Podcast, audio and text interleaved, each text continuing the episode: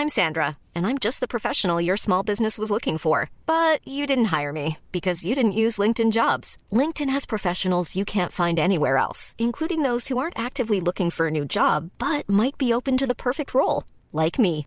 In a given month, over 70% of LinkedIn users don't visit other leading job sites. So if you're not looking on LinkedIn, you'll miss out on great candidates like Sandra. Start hiring professionals like a professional. Post your free job on linkedin.com/people today. You should celebrate yourself every day, but some days you should celebrate with jewelry. Whether you want to commemorate an unforgettable moment or just bring some added sparkle to your collection, Blue Nile can offer you expert guidance and a wide assortment of jewelry of the highest quality at the best price. Go to BlueNile.com today and experience the ease and convenience of shopping Blue Nile, the original online jeweler since 1999. That's BlueNile.com. BlueNile.com.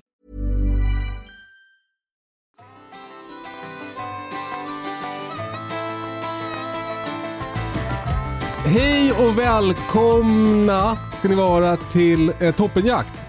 Jag heter Kalle och med mig på länk från skidbacken har jag Lill-Ove. Tjena Lill-Ove.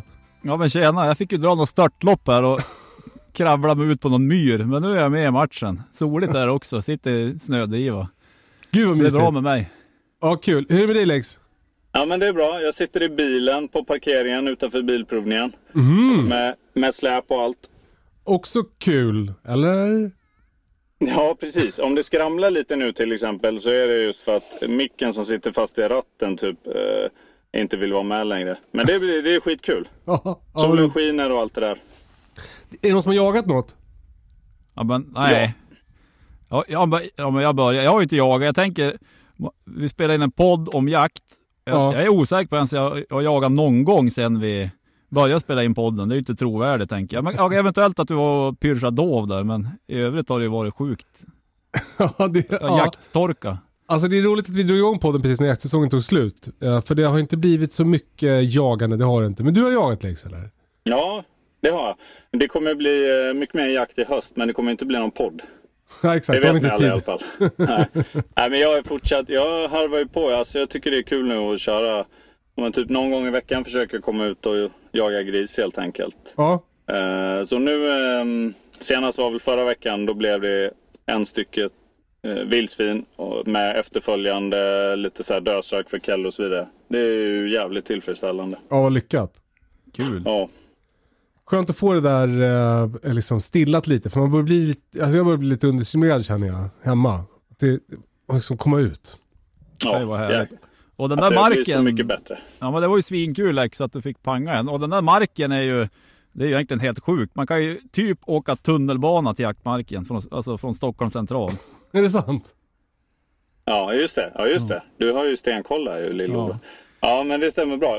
Så Jag tror sist jag sköt vildsvin där var det all, när jag egentligen skulle plocka upp eh, sonen från eh, gympaträningen.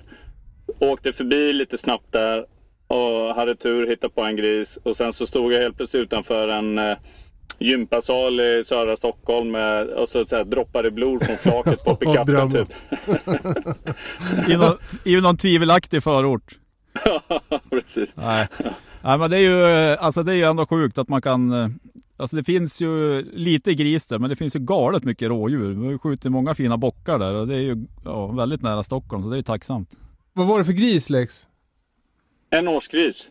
Men ehm, ja, det var lite läskigt ska jag, måste jag säga. För jag sköt den med termiskt och jag höll på att kika och kolla att den var själv. Och inte, ja men ni vet allt det där med dragna spenar och lite så. Det är ju årsgris som gäller just nu. Ja. Och jag skulle säga att den var bra stor ändå i slutändan. Det var ju nog inte helt fel, men eh, jag vet inte om jag ska skylla på en mild vinter eller någonting. Men eh, Alltså det är Ja. sådär här Stockholm, det kanske har käkat eh, McDonalds-mat. Ja, precis.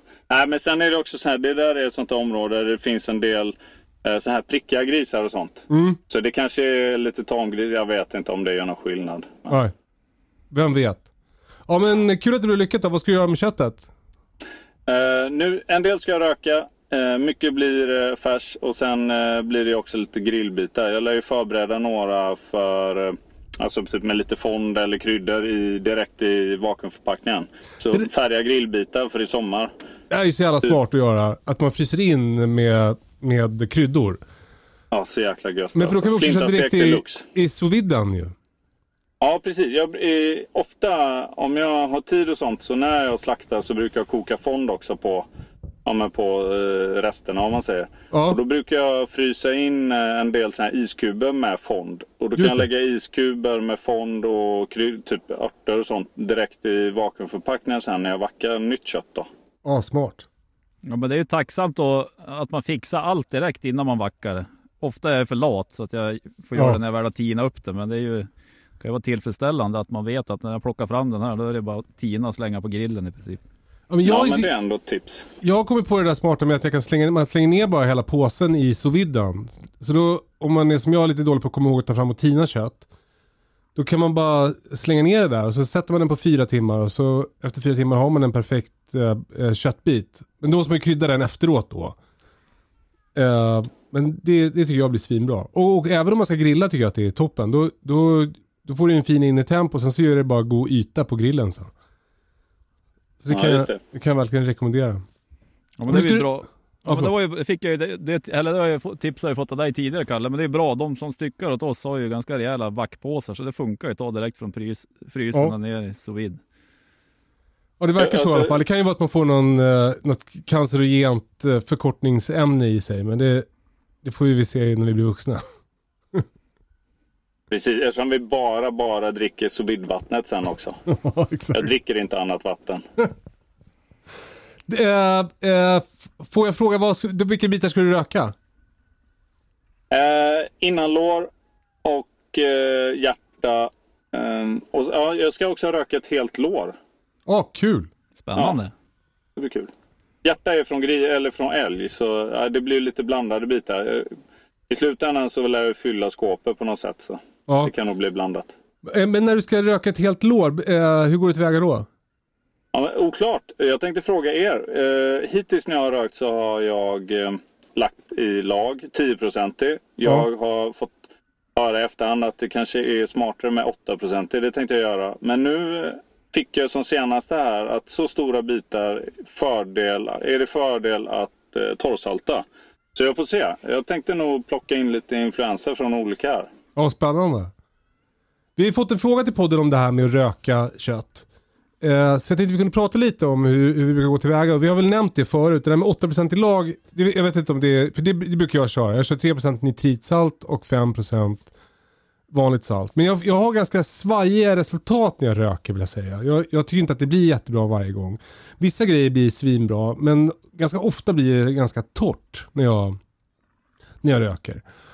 Ehm, och eh, ibland blir det också lite för stark röksmak kan jag tycka. Typ när jag gör bacon och sånt där. Det, och, eh, beror lite på hur man ska använda baconen. Men, men om man ska använda den typ i att göra liksom carbonara. Då smakar det nästan som att äta liksom aska.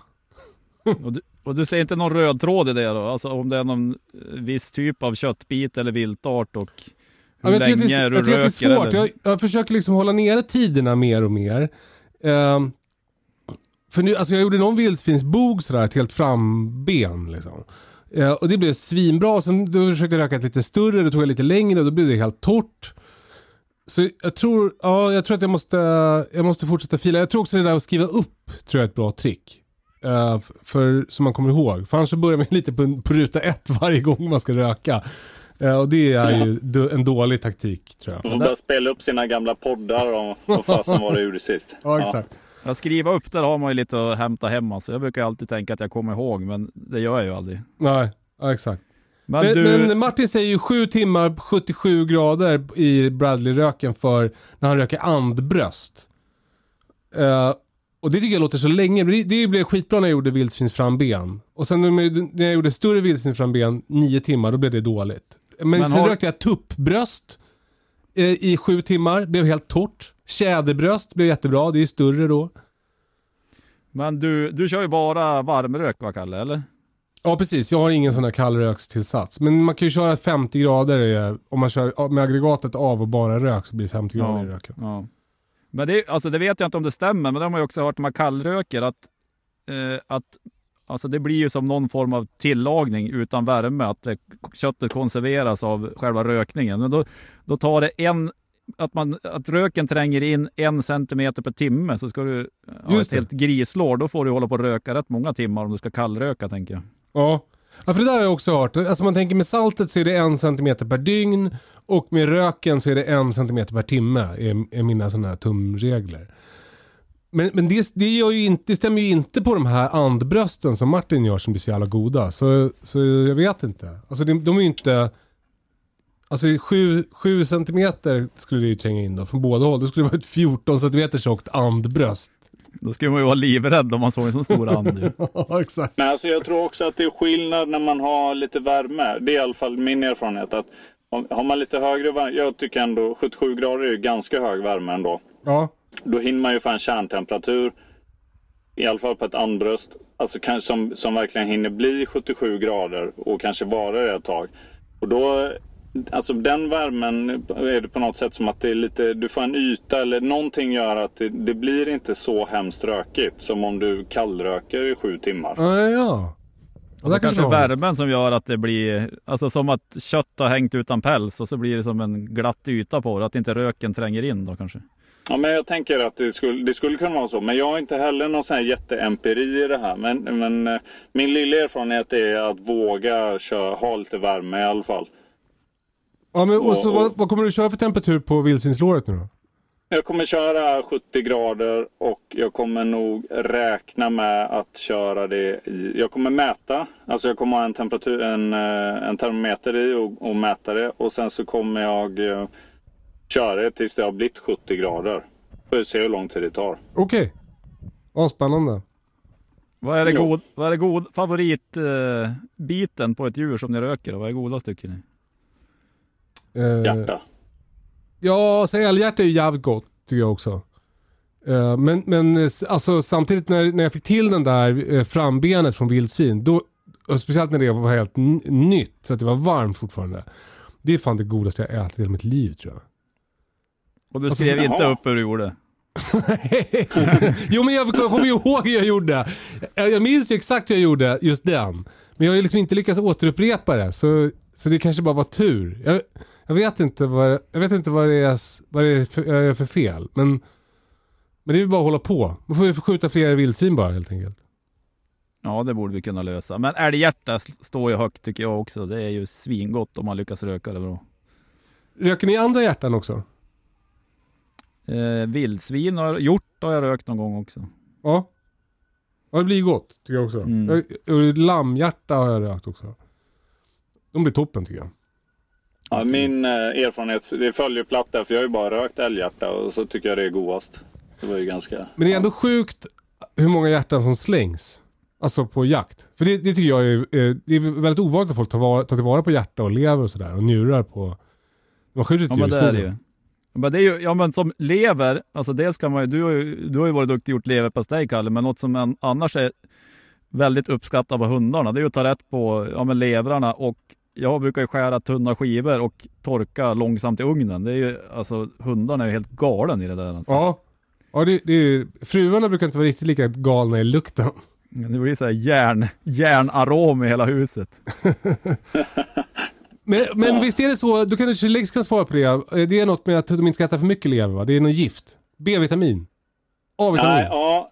eh, Jag, alltså jag är inte helt påläst faktiskt på oss människor, men jag antar att det är något liknande. Men man ska vara lite försiktig. Jag tror att man säger 100 gram i veckan eller någonting till hundarna. Men, men det där får man nog fan läsa på. Men det är i alla fall, det gäller A-vitamin, att de kan få för mycket. Ja. För jag gör likadant som eh, Lill-Ove, att jag torkar och, och har det som godis till dem. Och det är ju grymt. Men, men jag tror att man ska vara lite restriktiv då. Det är lätt att googla fram det, men eh, för mycket A-vitamin dåligt. Och det är ju, det är ju lurigt, alltså för man, om man torkar det, då tänker jag att det är färsklevervikt, typ 100 gram. För man torkar det, då blir det ju betydligt mindre vikt. Då kanske Mm. man, Ja. man får ge dem någon bit ibland, man, men det är ju liksom ingenting som de äter som mat, så det blir ju inga mängder liksom. ja, just det. Är ni för att ge godis till hundar? Ja, ja. Ja. ja för det där är ju liksom, eh, det finns olika skolor. Framförallt i, i jaktsvängen så känns det som att det räknas som som coolare att inte hålla på så mycket med godis. Men, men det verkar svårt ju. Men det finns ju, alltså, det, det, finns ju många sätt att belöna en hund, men vid inlärning så har du en matglad hund så är ju alltså någonting de tycker om är ju jävligt bra att belöna dem med. Ja.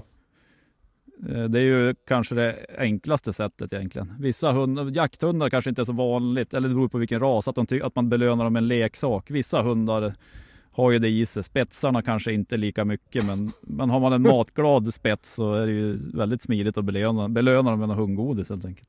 Just det. Ja, det är roligt det där med leksak. Det finns ju, man känner sig aldrig så dum som när man ska försöka leka med en hund för att belöna den och den bara helt ointresserad. Ja. En boll, vad fan är alltså, det här? Som att det är jag, för min skull vi leker. Ja, men det finns ju ändå, det finns ju ändå som en sån grundregel att vad man eh, belönar ska ju vara i, det, i den driften eller det, liksom det de håller på med eller det de är intresserade av. Det brukar ju vara det är där man får lite bang för, för sin back. Just det. Men det är ju inte alltid det läge liksom. Alltså, som till exempel och och Lillkalle och gilla och sitta eller hoppa in, komma till bilen, hoppa in i bilen. Det finns liksom ingen drift. Jag kan inte belöna henne i att hon slipper om man säger utan där kan ju typ att, att det allt som oftast ligger en torkad leverbit där, det verkar ju vara, det funkar ju svinbra liksom. Ja. Alltså det där, det där är så jävla smart. Jag blir så peppad av det. Det känns så enkelt. Och det löser också, för, i alla fall liksom för mig så är det, när jag håller på att få in och ur hundarna ur bilen är som ett jävla hallå varje gång. Speciellt om man har haft många hundar.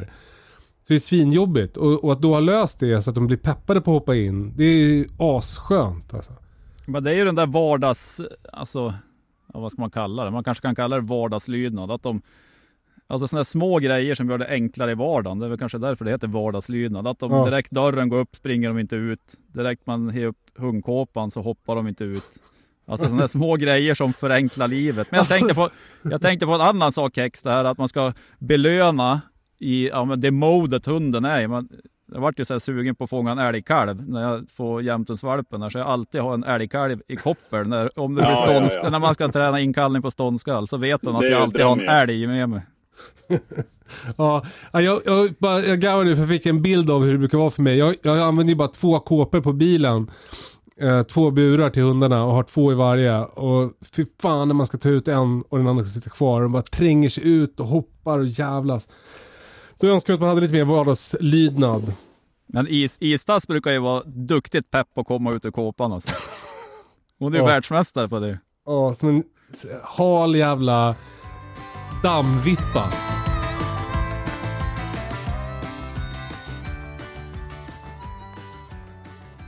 Nils Eriks. Vad tycker ni om ljuddämpare? Men jag tycker ju att eh, förutom, alltså bort, det finns bara en dålig grej med ljuddämpare tycker jag. Det är att, man, att dämparen har tendens att fastna i kvistar och grenar och skit. Men annars är det ju, alltså eh, när de släppte på det där att man fick söka licens, som, alltså vilken jägare som helst i Sverige på ljuddämpare. Det var ju på något nästan lite halvrevolutionerande. För jaga med kåpor hatar jag alltså. Ja. Och eh, jag tycker att den dämpare jag har idag dämpar ju tillräckligt bra. Så alla, i princip alla jaktskott så har jag dämpare och inte kåpor och det tycker jag är svinhärligt. Ja. Ja, jag är ju ganska, alltså jag har ju bara jagat i 5-6 år. Jag har ju liksom inte varit med om någon annan tid än dämpad tiden om man säger. Jag kan ju inte se, ja, det är ju typ det. Fastna grenar, det är väl det enda jag tycker. Annars är det ganska självklart. Och då finns det ju en sån där eh, liksom en liten kon man kan sätta på vissa dämpare va? Som, som löser det åt en. Om Jag att de fastnar ja. Ja exakt, att man sätter som en, som en kil bakom. Liksom, som gör att, att grenarna glider av. Har du använt det? Nej men jag vet att det finns vissa ljuddämpare. Jag, jag har ju en sån här stålljuddämpare. Den, den är dels väldigt kantig bak så att den fastnar i allt så man blir tokig. Sen är den väldigt tung så att den, den fuckar upp balansen lite på bössan tycker jag. Och, och sen har jag gjort misstaget att ta av den någon gång för att och sen gå med bössan utan ljuddämpare. Och då är det så otroligt skönt att gå, att gå utan dämpare i skogen när man går med hund. Och speciellt om det är tätt. Men det är ju kul. Du och jag Kalle har ju, ja, men våra hundförarbössor, det är ju sak 85. Ja. Och vi har ju samma bössor och samma dämpare och jag tycker ju helt tvärtom. Jag tycker det blir dålig balans i bössan. Jag tycker den är för lätt om man inte har dämpare på den. Mhm. Ja, vad spännande. Ja, Men jag, som- jag litar ju på dig mer än jag litar på mig i det här så, när det gäller vapen. Så. Ja, det vet jag fan men... Ja, men jag tycker ja, att den, så, den blir så otroligt lätt, äh, Finlighten, när man, eh, när man inte har dämparen på. Den är så kort och smidig. Och jag tycker, ja det resonerar ju så att man, man går ju och bär den väldigt mycket mer än man faktiskt skjuter med den. Så, att, så därför så kan det vara skönt tycker jag att köra utan dämpare. Men jag inser också att det är liksom en kortsiktig, det är ju alltså det är ju värdelöst på längre sikt. För man, man, även om man inte, man skjuter på ståndskall så tycker inte jag man hör smällarna så mycket. ja men så är det ju. Men, men det, det fuckar väl upp hörseln på, på längre sikt ändå. Så, och även för hundarna har jag förstått det som. Att de, Exakt. Jag Ja. tänker både för hunden och för dig va? Ja, Man lär ju ändå bli less. Alltså jag har ju skjutit mycket vilt utan dämpare. Det klassiska var ju typ jag hade ju med mig typ några proppar när man gick med hund. Så var det ståndskall så satt jag väl in och proppar. Men om man satt på pass då var det ju alltid man hade någon kåpor liggande bredvid en. Men Ja. det var ju, var ju långt ifrån alla gånger man ens tänkte tanken att sätta på oss dem där. nej. Man lär ju ändå bli less om man, eh, alltså, alltså har man tur så kanske man klarar sig hyfsat hela livet. Men har man otur så får man en hörselskada när man är 20 år. Det är ju rätt kast alltså. ja det är ju tråkigt. Och sen så Men finns sen det ju också, jag- ja, förlåt. Ja, men, eh, jo, jag tycker att det är ingen jättemycket fråga om huruvida vi ska, man ska passa hörseln eller inte eller så. Utan frågan är om man antingen vill ha någon form av hörselskydd eller om man vill ha dämpare. Och i alla fall, jag tycker så här att hörseln är så jäkla viktigt sinne på något sätt. Det är en ganska stor del när man är i skogen och när man jagar tycker jag. Vad man hör och så vidare. Alltså det jag vill verkligen inte ha kåpor om jag inte måste. Ja, jag håller med. Ja, jag håller också med. Och det finns ju också andra dämpare som, som är lite lättare och sådär. Jag, jag tror att jag ska försöka skaffa en ny dämpare. Uh, så att jag faktiskt använder den. För på min, uh, min uh, andra bössa som jag skjuter, ja men vakbössan typ. Då har jag ju dämpare, det är ju helt underbart. Alltså det är liksom ingen rekyl. Det är nästan som man tappar respekten för geväret.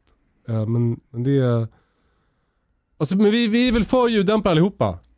Det Ja, svaret din verkligen. Och det finns ju, det, alltså det finns ju en uppsjö med dämpare, men det, har, ja, det är på väg in någon ny, eller någon, det är någon norskt företag som tillverkar, alltså de var ju typ inte längre än en 308 patron i princip och vägde ju superlite. Det, ja, där blir man ju sugen på att köpa när de kommer. Eh, sen har vi fått en fråga från Major Morgonkrök. Han skriver, Ja, förlåt. Vilka jaktformer föredrar ni? Själv föredrar jag pyrsch. Ja, alltså all jakt med hund är det, kommer alltid vinna för Ja. mig. Ja. Ja, det, vi har varit inne på det här förut. Alltså att jaga eh, eh, med ställande hund, alltså jaga vildsvin och älg med hund som, som ställer viltet. Det är ju, det tycker i alla fall jag är mest spännande. Men jag tycker att också att det är så kul att det finns massa olika jaktformer. Alltså så att man, man liksom, det finns så mycket olika sätt att, att, att hålla på med den här hobbyn och det tycker jag är härligt. Det är lite som med årstider, det, skulle vara tro, alltså det är som soft med sommar men det skulle vara tråkigt om det bara var sommar. Ja men visst. Och det, och det, där, har, jag- det där har jag ju funderat på någon gång. Alltså det finns ju säkert många, eller jakttyper och även viltarter i Sverige som man inte ens har varit i närheten av att jaga. Alltså, men vi har ju även pratat det här, åka till Norge och alltså det var ju varit en sån här riktiga strapatsrika jakter när man går Ja. upp på fjället och jagar vildren och det finns ju jättemycket olika jakter jag skulle vilja prova. Och i Sverige finns det ju sanslöst mycket bra jakt. Men Ja. jag, alltså, nu har man ju långt ifrån jaga, jaga på alla tänkbara jaktsätt. Men jag, alltså jag jagar ju helst med, med ställande hund. Ja. Det är ju Alltså något vi, speciellt. vi har fått en fråga också om vi håller på med sjöfågeljakt. Och det, för det tycker jag är en sån där... Alltså om man läser gammal jaktlitteratur, det håller jag på med ganska mycket. Uh, läser så här gubbar som skriver jaktdagbok förr i tiden. Eh, ni vet, jagar i ullkostym och studentmössa. Eh, Mm. då, då är det ju mycket sjöfågeljakt för att det var det som fanns. Liksom. Det, var det, det fanns inte så mycket klövvilt förr. Eh, och det, det tycker jag verkar, jag har en ganska romantisk bild av sjöfågeljakt. Eh, men jag har, hållit, har liksom inte hållit på någonting med det. Jag har ju bara jagat änder på, på, så här, på gods. Då, det är inte riktigt samma sak ju. Ni, har ni jagat sjöfågel eller något? Jag skjuter lite gräsänder, men det är ju eh, alltså inte att, inte att det var i samband med riktig sjöfågeljakt. Det har mer varit att man har gått med hagelbrakaren och försökt att stöta upp någon tjäder och så kommer man fram till någon sjö och så är det några gräsänder. Men eh, nej, inte någon riktig sjöfågeljakt. Det har jag inte gjort. Samma här. Inte gjort. Men jag har ätit och tittat på. Jag kommer ju från skärgården. Ja. Eh, och det kan ju i alla fall äta ejder. Det kan, man ju, det kan jag ju rekommendera. Men jag har inte gjort det. Jag skulle gärna göra det. Det kan jag bara... Ja. Ja, kul. Säl har inte jag heller jagat. Nej, inte jag heller. Nej. Jag har gått kurs för att göra det. Och han som höll kursen han sa det att två av tio som kommer och går kursen för att få jaga från eh, båt eh, med motor. Alltså två av tio som går kursen, de kanske faktiskt jagar säl sen. Jaha. Jag tror att jag kommer vara en av de två i och för sig, men det, är, ha, ja, det har hittills inte haglat med tillfällen riktigt. Jag vet inte ens hur det går till när man får, alltså vem får jaga säl? Måste, måste man ha jaktmark som är i... Ja, precis. Det, det, det, det är lite, inte snårigt, men du, får ju, precis, du måste ha jakträtt. Ja. Och eh, på vissa sätt som man jagar det, då kan det vara att det är skyddsjakt. Eh, för, för vad det gäller fångstredskap och sådana saker. Och då Ja. måste man ha skyddsjakt för den som eller då måste man ha jakträtt för den som har eh, jakträtten. Och så måste man faktiskt veta att det handlar om skyddsjakt och så vidare. Sen så kan man ju, bör man ju då ha gått en utbildning för att få skjuta från båt på det viset. Och, men man kan även skjuta från om en typ land, alltså krypa, smyga runt och, och skjuta liksom. Men eh, man, i slutändan så handlar det om att ta rätt på viltet precis som överallt annanstans. Och det är väl det som till exempel en sån här kurs är bra för, för det är ju lite stökigt alltså. Vad är det som är stökigt? De, eh, dels så bör man, man vara lite försiktig. De har, man, kan, eh, man kan räkna med att de har MRSA. Så att man vill inte riva sig och sånt på tänder och sådana saker. Ja just det, det är det där alltså att man måste hugga av, om man skär sig på ett finger så måste man hugga av det direkt. Ja, men- ja exakt. Det är Eller bita jättehårt och suga ut blodet.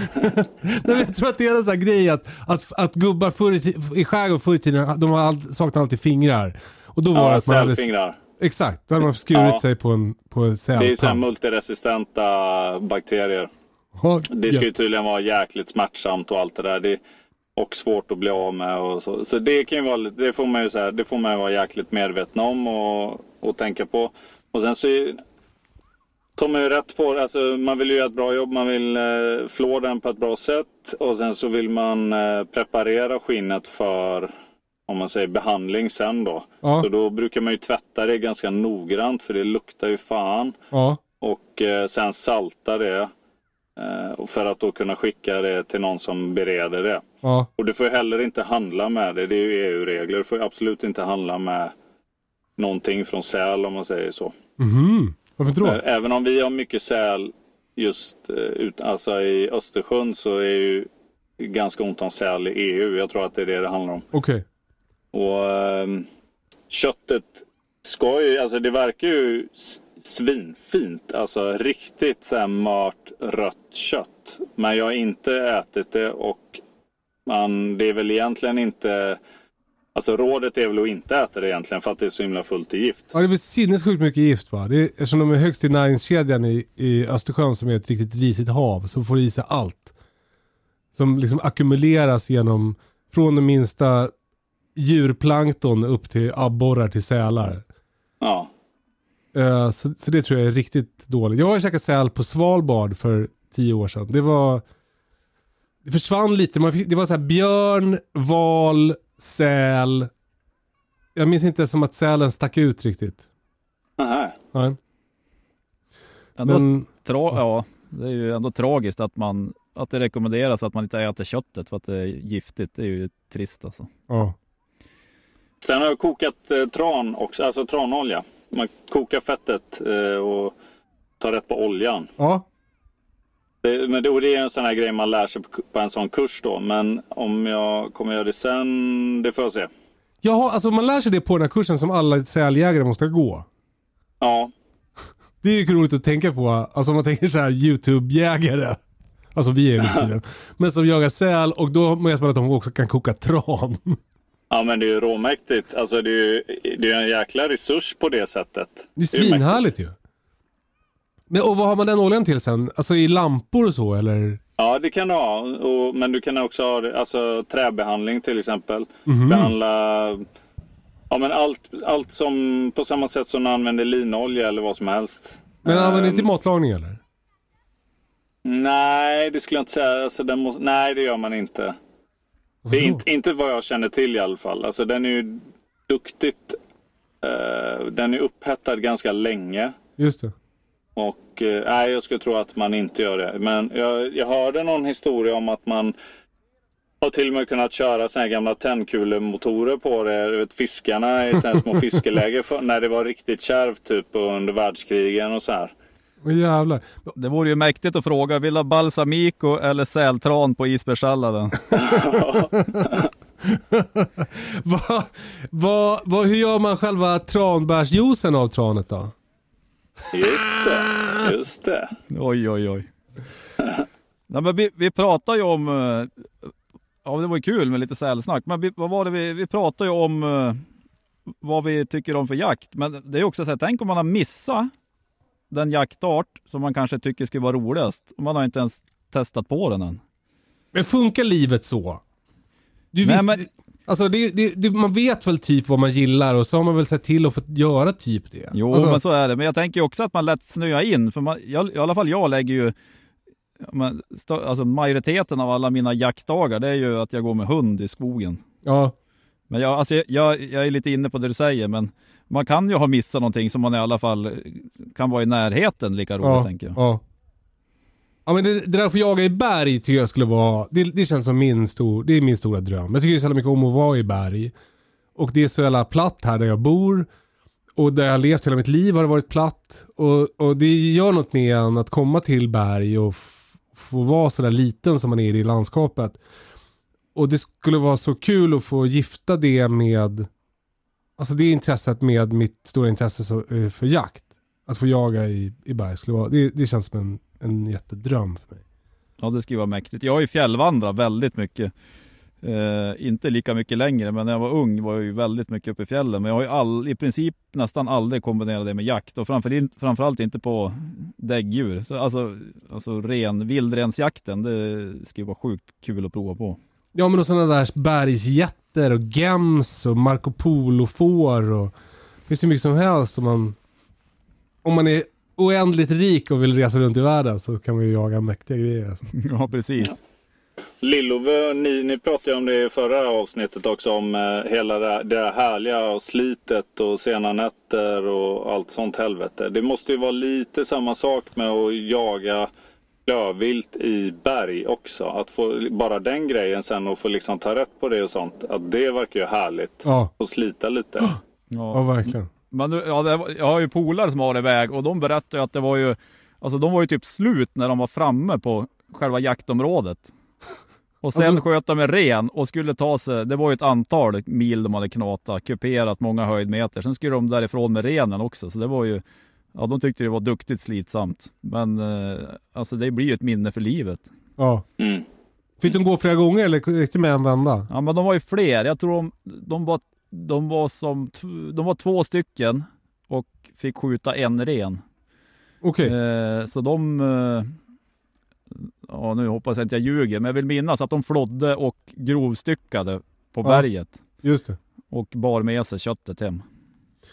Eh, jag lyssnar på en, en jaktpodd eh, som heter Kifarocast som är en, en, ett företag som är ryggsäckar i Colorado. Eh, de håller på mycket med bergsjakt. De jagar eh, eh mule deer och sånt där i, i, på jättehög höjd i det där i Colorado, i Klippebergen. De jagar med pilbåge då, men då är det ju väldigt mycket att de bär ut köttet och så här. Och går med, med ryggsäckar som väger så här 70 kilo och sånt där. Det verkar så jävla hårt. Eh, men det, det tycker jag verkar kul. Apropå pilbåge ungefär, det har vi fått en fråga om. Eh, Ja, just det. Är ni klara med drömjakt eller? Ja. Ja, bra. Eh, vi har fått en fråga som är så här, tycker ni att det ska, till, att det ska bli lagligt att jaga med pilbåge i Sverige? Alltså, jag, alltså jag är för dåligt insatt eh, varför det inte är lagligt. Men, jag, men eh, man har ju sett de filmer på det där och får man bara in djuret tillräckligt nära så verkar det ju, och du träffar det du ska, det är precis samma som en kulvapen, då, då gör ju pilen jobbet. Ja, som du har en sån där, eh, som de jagar med där i USA. Du, du, det blir som ett knytnävstort hål rakt igenom djuret. Liksom. Den slår av ben och allting. Det, det, det är nog in, alltså...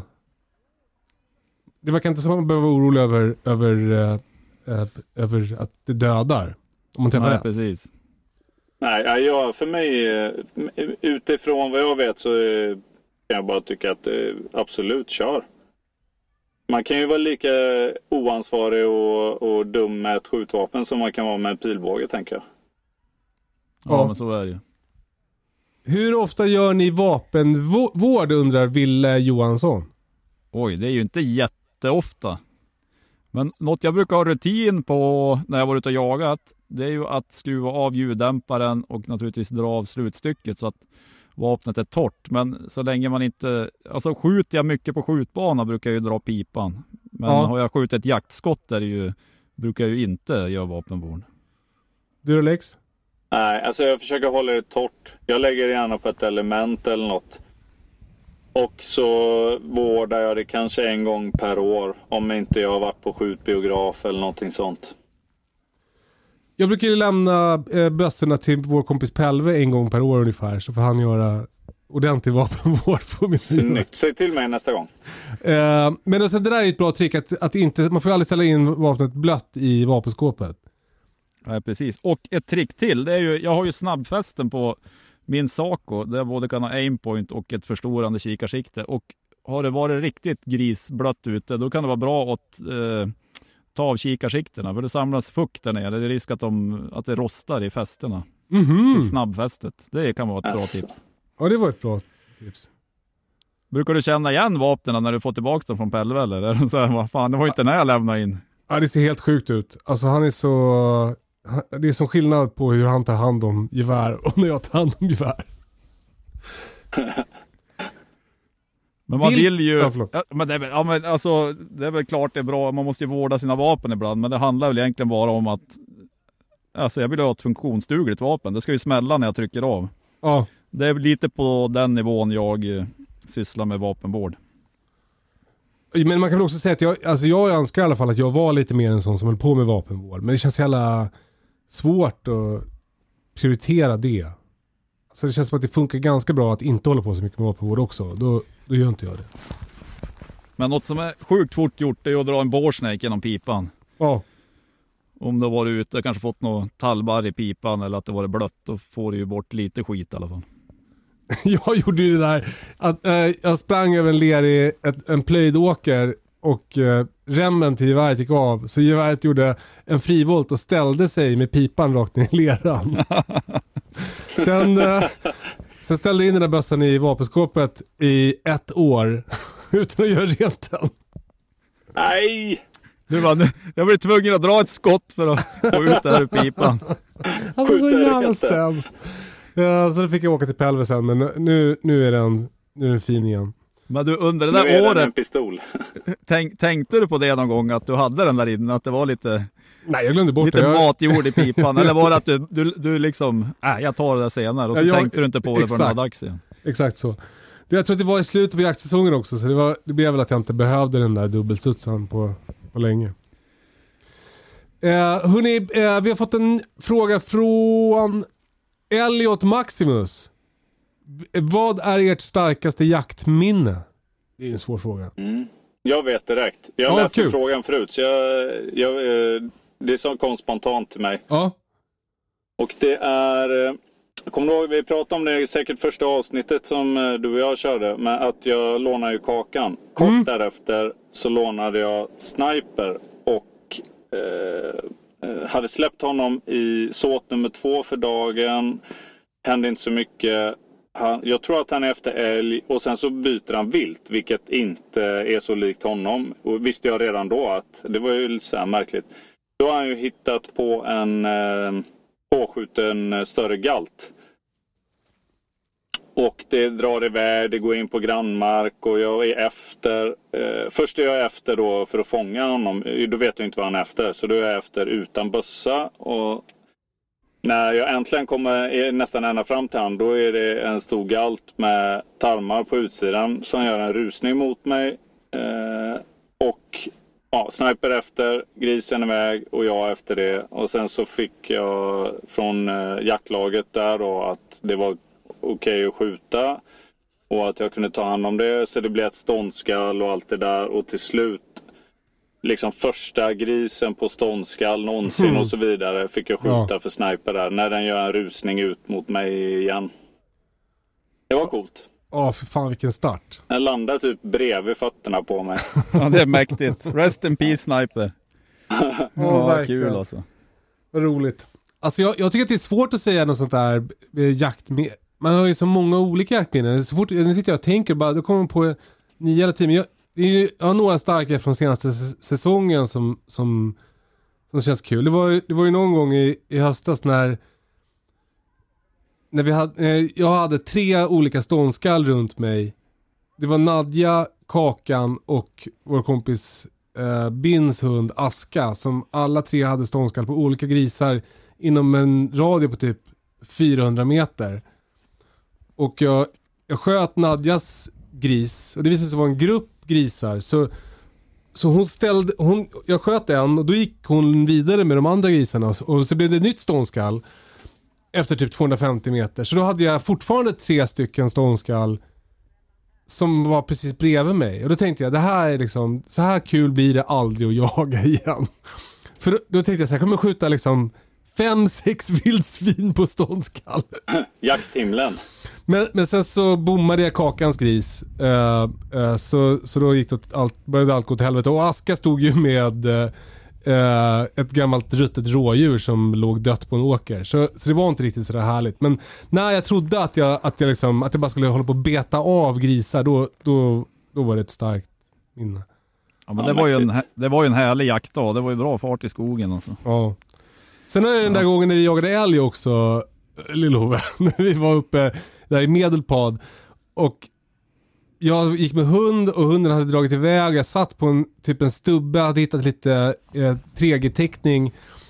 Och satt och, och typ eh, kollade på internet länge alltså. I typ 40 minuter. Till slut bestämde jag mig för att resa på mig och, och, och börja gå. Och när jag reser på mig så kommer en, en älgtjur på typ 15 meter ifrån mig. Ja, men det där är ju den sjukaste älg som någonsin har skjutits alltså. Du, alltså, du kan ju också tillägga att du satt ju i en contorta-plantering. Exakt, alltså det var ju brötigt satan. Jag satt där inne och alltså jag såg ju kanske 20 meter där inne, för det var för tätt. Och där kom det alltså en älgtjur som jag då sköt i stickhålet och den föll rakt ner. Och du trodde att jag hade skjutit mig. Ja men det var ju så jävla sjukt. Jag satt ju på någon stor sten ute på någon hygge. Det var ju september. Det var ju varmt som fasen. Och dyngless var jag. Jag var ju så sjukt less på att sitta på pass. Och så var det varmt så jag höll ju typ på att somna. Sen bara GABAM! Och small ju till utav helvete. Och så jag bara, vad fan. Alltså jag tänkte nu, nu är det typ någon som har skjutit eller dragit vådaskott. Det kan inte vara en som har skjutit en älg alltså. Det var så jävla sjukt. Ja. ja, den där är ju, ja, ja det där var ju, den där har vi ändå surrat om en del efter det här, alltså efter det där. Alltså, det är så sjukt härligt jaktminne på något vis. Jag kommer ju också ihåg det där ja. som att det var igår nästan. Ja, det var så, det var så osannolikt. Ja, jag vet inte fasen, alltså man har ju många svinhärliga jaktminnen men eh, alltså de, de första älgarna man får skjuta för sin ung, eller på ståndskall för sin unghund är ju något extra alltså. Ja. Eh, och det händer ju bara en gång per hund. Eller förhoppningsvis händer det minst en gång per hund, men första älgen är ju bara en gång per hund. Men det är ju någonting, ex alltså det är så sjukt tillfredsställande när man får ja, alltså lyckad jakt tillsammans med sin egen hund. Ja. Det är ju sanslöst härlig känsla. Och framförallt när de är unghundar, när man liksom inte riktigt vet vart vad kommer det att bli med den här hunden? Hur kommer den att jaga? Eh, hur bra kommer den att jaga? Kommer den kunna ställa viltet eller kommer älgarna bara springa? Och... Ja. Ja, det är ju något extra alltså. Ja. Ja, gud vad härligt. Apropå det där så fick jag, jag, jag var inte med förra veckans podd, vi pratade om det här när vi var i hängnet. Men jag, jag fick en sån aha-upplevelse när jag pratade med Peter om det där med att jaga in en, ung, en ställande ung hund. Han sa ju det där att, att belöningen ska vara ståndskallet. Att det inte, det viktigaste är liksom inte att skjuta för en ställande hund. Utan den ska tycka att det är kul att stå och skälla. Ja men det där håller jag med om till 100 procent. Alltså kanske, fram, alltså, kanske framförallt på de här uh, ja, men som jämthundar, gråhundar, lajker, hälleforser. De som har kapacitet att skälla i många timmar. Ja. Alltså det är ju det lite det är kanske det lite jag vill ha, i alla fall av, jag ska ju ta en till jämtensvalper nu, men det här att man ska veta att eh, kommer, kommer skälla, liksom fortsätta skälla. Ja. Och det är ju det de tycker är kul. Sen kanske de luggar älgen, men sen är det ju över på något vis för dem. ja. Sen Ja, men- förr eller senare måste det väl kanske trilla omkull någon älg, men man, man behöver inte känna någon panik att skjuta en... Alltså har du en, en eh, spets med mycket jaktlust så behöver du inte känna någon panik att du måste fälla en älg till varje pris. Då vill man ju hellre att de får fast älgarna. Ja men exakt. Att det, du, du, det du helst vill att hunden ska göra är ju inte döda älgar. Du vill ju att den ska skälla på älgar. Ja, men sen är det ju lätt att det blir... Ja, det där kanske man, man har blivit lite klokare, men första jämthunden jag hade, då var det så här alltså, jag, ja, dels hade jag, jag hade ju långt ifrån samma kunskaper som jag har nu, men då var ju känslan det här bara, alltså skäller ståndskalle fem minuter, sen skjuter jag alltså. Men Ja. så funkar det inte riktigt heller. Det är ju, ofta är ju hunden en bit bort, det kan vara för jävligt att komma fram. Det kommer ju att ta tid innan du kan skjuta. Sannolikt kommer det ta tid. Ja. För är hunden för nära dig, då är ju säkert älgen redan hört det och då kommer det inte bli något ståndskall. Ja men exakt. Eh, Men hur var det när du sköt första älgen för sniper? Ja men det var ju uppe i Vike. Det var ju, alltså han, eh, alltså han jagade väl egentligen från första hösten. Han var, han, född, han var ju född på våren så han var väl ett och ett halvt. Men jag, det sköts ingen i stå, på ståndskall i september. Men i oktober fick jag, fick jag skjuta en på ståndskall för han. En älgko. Det var ju mäktigt. Men det Hur länge var, hade han skällt då? Ja men det hade ju, jag hade, tror till och med jag hade lyckats stötta en gång. Han hade, jag, jag vet inte men han hade ju skällt ett par timmar i alla fall. Var du glad? Men- Ja men då var man ju lycklig. ja men det är ju Ja. något extra alltså. Ja men det är ju, och det är ju kanske det som är, alltså det känns ju svinkul att ha en jämtensvalp men man vill ju bara börja kunna jaga med dem utan att, alltså för den sakens skull. Man, be, ska ju inte ha någon panik men det är ju mycket därför man skaffar en jakthund för att man, ska vill, att man vill jaga med dem. Så är det ju för mig i alla fall. Sen är det ju förhoppningen att det ska bli en svinbra familjehund naturligtvis. Jag har ju barn och familj så det måste ju funka hemma också men man skulle jag inte jaga med, jag skulle ju aldrig köpa en hund, inte som är just nu, som jag inte kan ha någon praktisk nytta av. Nej. Nej men också, de är ju också ganska jobbiga jakthundar för att de är så Ja, jakt- men du Kalle, hur, eh, du måste nästan ge en uppdatering på din kommande valp va? Ja men exakt. Det var ju ett tag sedan vi snackade om det. Det har ju, hade ju gått lite troll i det där. Jag, jag eh, Eh, eh, den kenneln som jag skulle ta en valp ifrån, eh, det var ju först en av hans tikar som gick tom och sen så var det, så fick, han skulle, ju para, han skulle ta valpar efter tre tikar. Första gick tom, andra fick valpar, tredje, där föddes alla valparna för tidigt och dog. Så, så därifrån blev det inga. Men, men nu, nu verkar det som att hans Hanne, Taco, ska paras med en tik eh, neråt Ehm, eh, Gimo, alltså Uppland. Eh, eh en finsk eh, jämthundstik eh, som kommer från en kennel som heter Onnivaran tror jag. Och det räknas som en fin så här, jämthundskennel. Eh, så då eftersom eh, eh, Taco då, han, han gör jobbet och då får ju, får ju eh, Mats på Näsjämtens kennel, han får en parningsvalp. Då, då ska jag få den. Så, så det, det, det verkar som att det, det är den valpen jag kommer att, att köpa.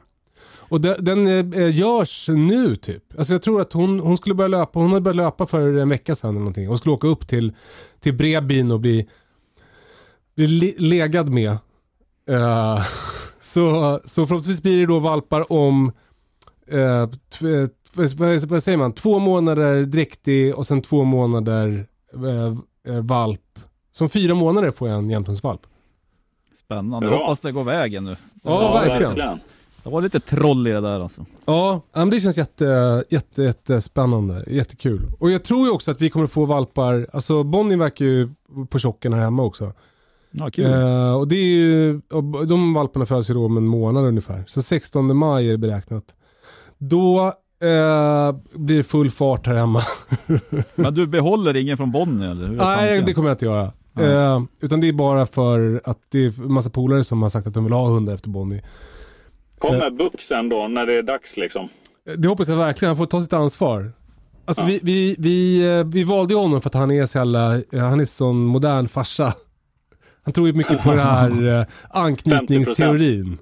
Att man ska hålla, ha barnen nära sig. Eh, Britta sa så här att hon, hon hade någon kompis, jag tror att det var Britta som sa det här. Eh, hennes kompis hade beställt en valp eh, från en kennel. Eh, de hade fötts. Sen i ett obevakat ögonblick hade någon annan tik på den kenneln bitit ihjäl alla valparna. Fan vad hemskt. Nej. Alltså så jävla hemskt. Och, och det, alltså man förstår ju det ju liksom ett sånt här eh, evolutionärt perspektiv. Alltså, för då är det viktigaste för, för individen är ju att föra individens gener vidare. Liksom. Och då är ju de andra valparna är ju en, eh, det är en konkurrenssituation. Alltså de är ju, de är ju liksom eh, bad news för, din, för dina gener då. Ja, Men- fan. Men ändå hemsk grej. Alltså tråkigt att, att bli av med alla valpar så. Så man får passa sig. Det är, det är som det funkar i vilda helt enkelt. Ja men exakt. Och så här har vi en aktuell fråga från Viktor. Vilket är det bästa tipset för en lyckad bäverjakt? Han har försökt men inte lyckats i två år. Åh, kämpa på. Jag har ett tips. Det är att reka och leta efter färska bäverspår. Och i, i första hand efter gnag då naturligtvis. Och även eh, hitta hyddan. Och, eller ved, de, kan ju, de kan ju lämna hyddor. Så även för att man har en bäverhydda behöver det inte nödvändigtvis eh, betyda att det bor någon bäver där. Så färskt gnag och försöka konstatera att eh, det bor bävrar eller bäver i hyddan. Ja, och jag, jag kan komplettera. Eh, de är ju så jäkla känsliga på det här med vittring. Eh, så man, alltså, man kan liksom inte negligera det. Så det gäller att verkligen ta det på allvar. Och för står man bara med bra, att man inte lägger vind och så vidare. När de väl är i vattnet eller vart det är nu, då kan man ju ofta komma närmare eller så. Men man kommer aldrig få se någon ens om man lägger vind åt fel håll. Bra tips. Eh, och sen, en plask med stjärten bara så är de borta. men det är väl också lite som med, bäv, med bäverjakt som med all annan jakt. Att det är liksom tid i skogen som, som är tricket. Att, att, att sitta där många gånger gör att till slut kommer läget. Ja men precis. Mm. Eh, men också, så kan man, också vända, man kan också försöka hitta någon som är eh, bra på bäverjakt. eh, som kan visa en. Alltså som, som kan ta med en. Det, det är också ett bra trick. Det, eh, just bäver är- räknas ju ibland som ett skadedjur. För att de kan förstöra mycket. De dämmer upp bäckar och sådär. Ja Så, så kan man ju få komma över liksom het bäverjakt. Ja. För det är ju svårt också, ja men som, eh, ja men där vi har jag varit och jagat bäver en gång uppe i Ångermanland, du och jag Kalle. Det, det är ju så här, då har man inte varit där sedan hösten och jagar ju sällan bäver där och lägger inte speciellt många jaktdagar på bäver. Så då, även att man eh, tror att man vet ungefär vart de är så kan de ju ja, helt borta. De var där i fjol men de är där liksom inte i år. Och så Mm. får man börja om på, ja men du får, måste börja om och reka nya bäckar innan man hittar någon färskt gnag egentligen. Ja det är svårt. Men det är skönt Sen- att man är så otroligt eh, eh, eh, understimulerad med jakt den här tiden på året. Så att man ändå ger sig ut. Det kanske är lite så här eh, en öppen dörr att slå in, men det är ju också så här, det är ju jakt när den är som bäst, fast det är utan hund tycker jag. Alltså det är tidiga morgnar och sena kvällar, hur, eller hur man nu vill göra det, precis när isen släpper. Och det är ju så sjukt fint. Det är ju innan det kommer mygg, oftast. Det är grymt vackert och man får komma ut, man har en anledning. Det är inte så jäkla noga vad man skjuter just. Ja, det där, jag håller ju med dig för bäverjakten för mig, det är ju, alltså jag får ju liksom ingen sån här speciell känsla och inga riktigt så här superjaktminnen. Alltså bäverjakten för mig betyder inte, inte alls speciellt mycket, alltså rent jaktmässigt. Men däremot är det ju sjukt härligt att komma ut och möta våren. Ja, verkligen, verkligen. Eh, eh, nu skulle vi kunna avsluta på den härliga bilden av en sån där ljus kväll med fåglar som kvittrar. Men jag tycker att vi, vi ska ge oss in i ett riktigt infekterat eh, ormbo till fråga. Spännande. Eh, Gustav skriver, vad tyck, eh, tankar om Herngren och kompani? Och jag tror att han menar att Felix Herngren har ju hamnat i blåsväder för att eh, det är någon som har grävt fram att han har sökt eh, tillstånd för att eh, transportera in en babian-trofé va, i Sverige. Eh, från en jaktresa i, kan det ha varit Namibia. Eh, och Felix Hangren säger då att det inte alls är hans babian. Eh, eh, eh, men det står hans namn på papperna. Vad har ni att säga om det här? Jag, jag, frågar, jag, jag frågar åt en kompis. exakt, exakt så. Vars babian har varit på vift länge nu. Men vad, vad, Nej, vad, vad säger ni? Men den här är ju svår alltså. Det är ju, alltså jag har ju aldrig... Jo, jag har jagat utanför Sverige, men jag har aldrig varit liksom på någon Afrikajakt. Och det är ju lätt, alltså jag kan ju tycka att det är lätt att ha åsikter om det, men jag har ju dålig koll på hur jakten bedrivs i Afrika. Det är ju lätt att det blir lite svartmålat. Alltså nu finns det ju många andra länder att jaga i också. Så, alltså jag kan ju inte säga att jag är varken för eller emot det. Sen vet jag inte, jag känner ju spontant att jag är inte supersugen på att skjuta en babian, men Alltså jakten i Afrika, kan jag, alltså jag har ju liksom inga åsikter om det. Jag kan, om jag skulle åka dit kanske jag skulle tycka att det var världens härligaste grej. Ja, jag tror att, eh, alltså jag är för dåligt påläst. Man får ju en viss bild av det, men den bilden som jag själv har, jag, jag, vet, jag kan inte säga att den är rättvisande heller, för eh, jag har för dålig koll alltså. ja. ja det, det är ju svårt det där med den här typen av jakt. Så här, åk, alltså vit man åker till annat land och, och för att betala jättemycket pengar för att få döda grejer. Men det är ju också ett sätt att liksom eh, eh, rädda djur i Afrika. För helt plötsligt får de ett värde som gör att det är värt, de får ett ekonomiskt värde som gör att det är värt att satsa på dem. Och se, se till att det är värt att, de, att djuren har det bra så att de finns kvar så att folk kan komma dit och, och skjuta dem. Ja, det är en Ehm. viktig poäng. Så, så, och det är ju samma som det där, det finns ju ingen som bryr sig så mycket om vildsvin som vi som jagar vildsvin. Alltså, eh, men, men sen att vi, vi liksom vill jaga dem också. Det finns liksom inget motsatsförhållande i det där. Jag, jag kan liksom, jag kan känna så här, fan eh, vad jobbigt för Felix Herngren med den här grejen. För det känns svårt att vinna i, i den här frågan tycker jag. Alltså för just också att döda primater, alltså eh, de är så, det är så likt människor ju. Alltså det är som ett Ja, steg, det. det är bara ett steg bort. Och det tycker jag känns, det känns problematiskt på, på jättemånga sätt för mig. Men, men återigen, om man var där och bodde där och jag vet inte, babianer kan vi säkert ställa till med massa fanstyg, bita ihjäl eh, liksom ens får eller någonting. Jag vet inte. Men, men så, så det, för det här kanske är toppen att man dödar babianer. Men jag menar bara för Felix Herngren så jag tror att den här så det är svårt för honom att komma vinnande ur den här situationen om det nu är så att han har varit och skjutit en babian. För jag tror att det finns liksom ingen människa som har tålamod nog att sätta sig in i vad babianjakt är, hur den bedrivs, om den är bra eller dålig för de som bor där. Utan allt man bara tänker är så här. Det ser nästan ut som en människa och Felix Herngren vill ha den på väggen. Ja men så blir det ju, så blir det ju. Eh, så så det, det tycker jag... Ja. Men man, man har, ja, men det är som du säger, man har ju noll koll på i vilket eller på vilket sätt den här babianen har skjutits. Vart eller har den alltså, ställt till problem eller var det en jättesnäll babian? Alltså det har man ju inte en aning om liksom. Alltså en babian med sunda värderingar. Ja men precis. Ja, men det är som vanligt. Det svåra i det här blir också att alla kan ju inte höra av sig till Felix och fråga och få en bra historia av det och, och göra liksom en helt egen uppfattning. Men ett, ni båda har ju bra poänger i alla fall. Ehm, Ja, men det, jag det är ju svårt. Alltså, om man ska vara sån här, alltså det här vill liksom kanske, får vi prata om vidare i ett annat avsnitt, men, men, men vi har ju nu valt att, att liksom eh, bli lite så publika med vår jakt. Alltså vi har den här podden och vi lägger ut filmen på YouTube.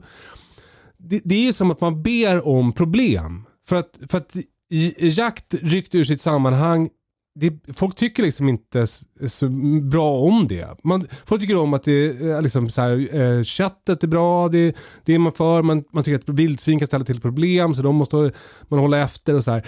Men, men att vara en sån som, som jagar grejer i folks, liksom, i gemene mans medvetande, jag vet inte om det är så himla bra. Liksom. Nej. Men det kanske är lite samma sak det här att nu, sitter, eller nu håller vi på att diskutera Herngrens, eventuellt Herngrens babian, eventuellt hans kompis. Men, men det är ju så här, det är ju samma att jaktmotståndare som inte har pysslat med jakt, de vet inte hur jakten går till. Då är det ju också extremt lätt att få en, alltså en vriden uppfattning om, Ja.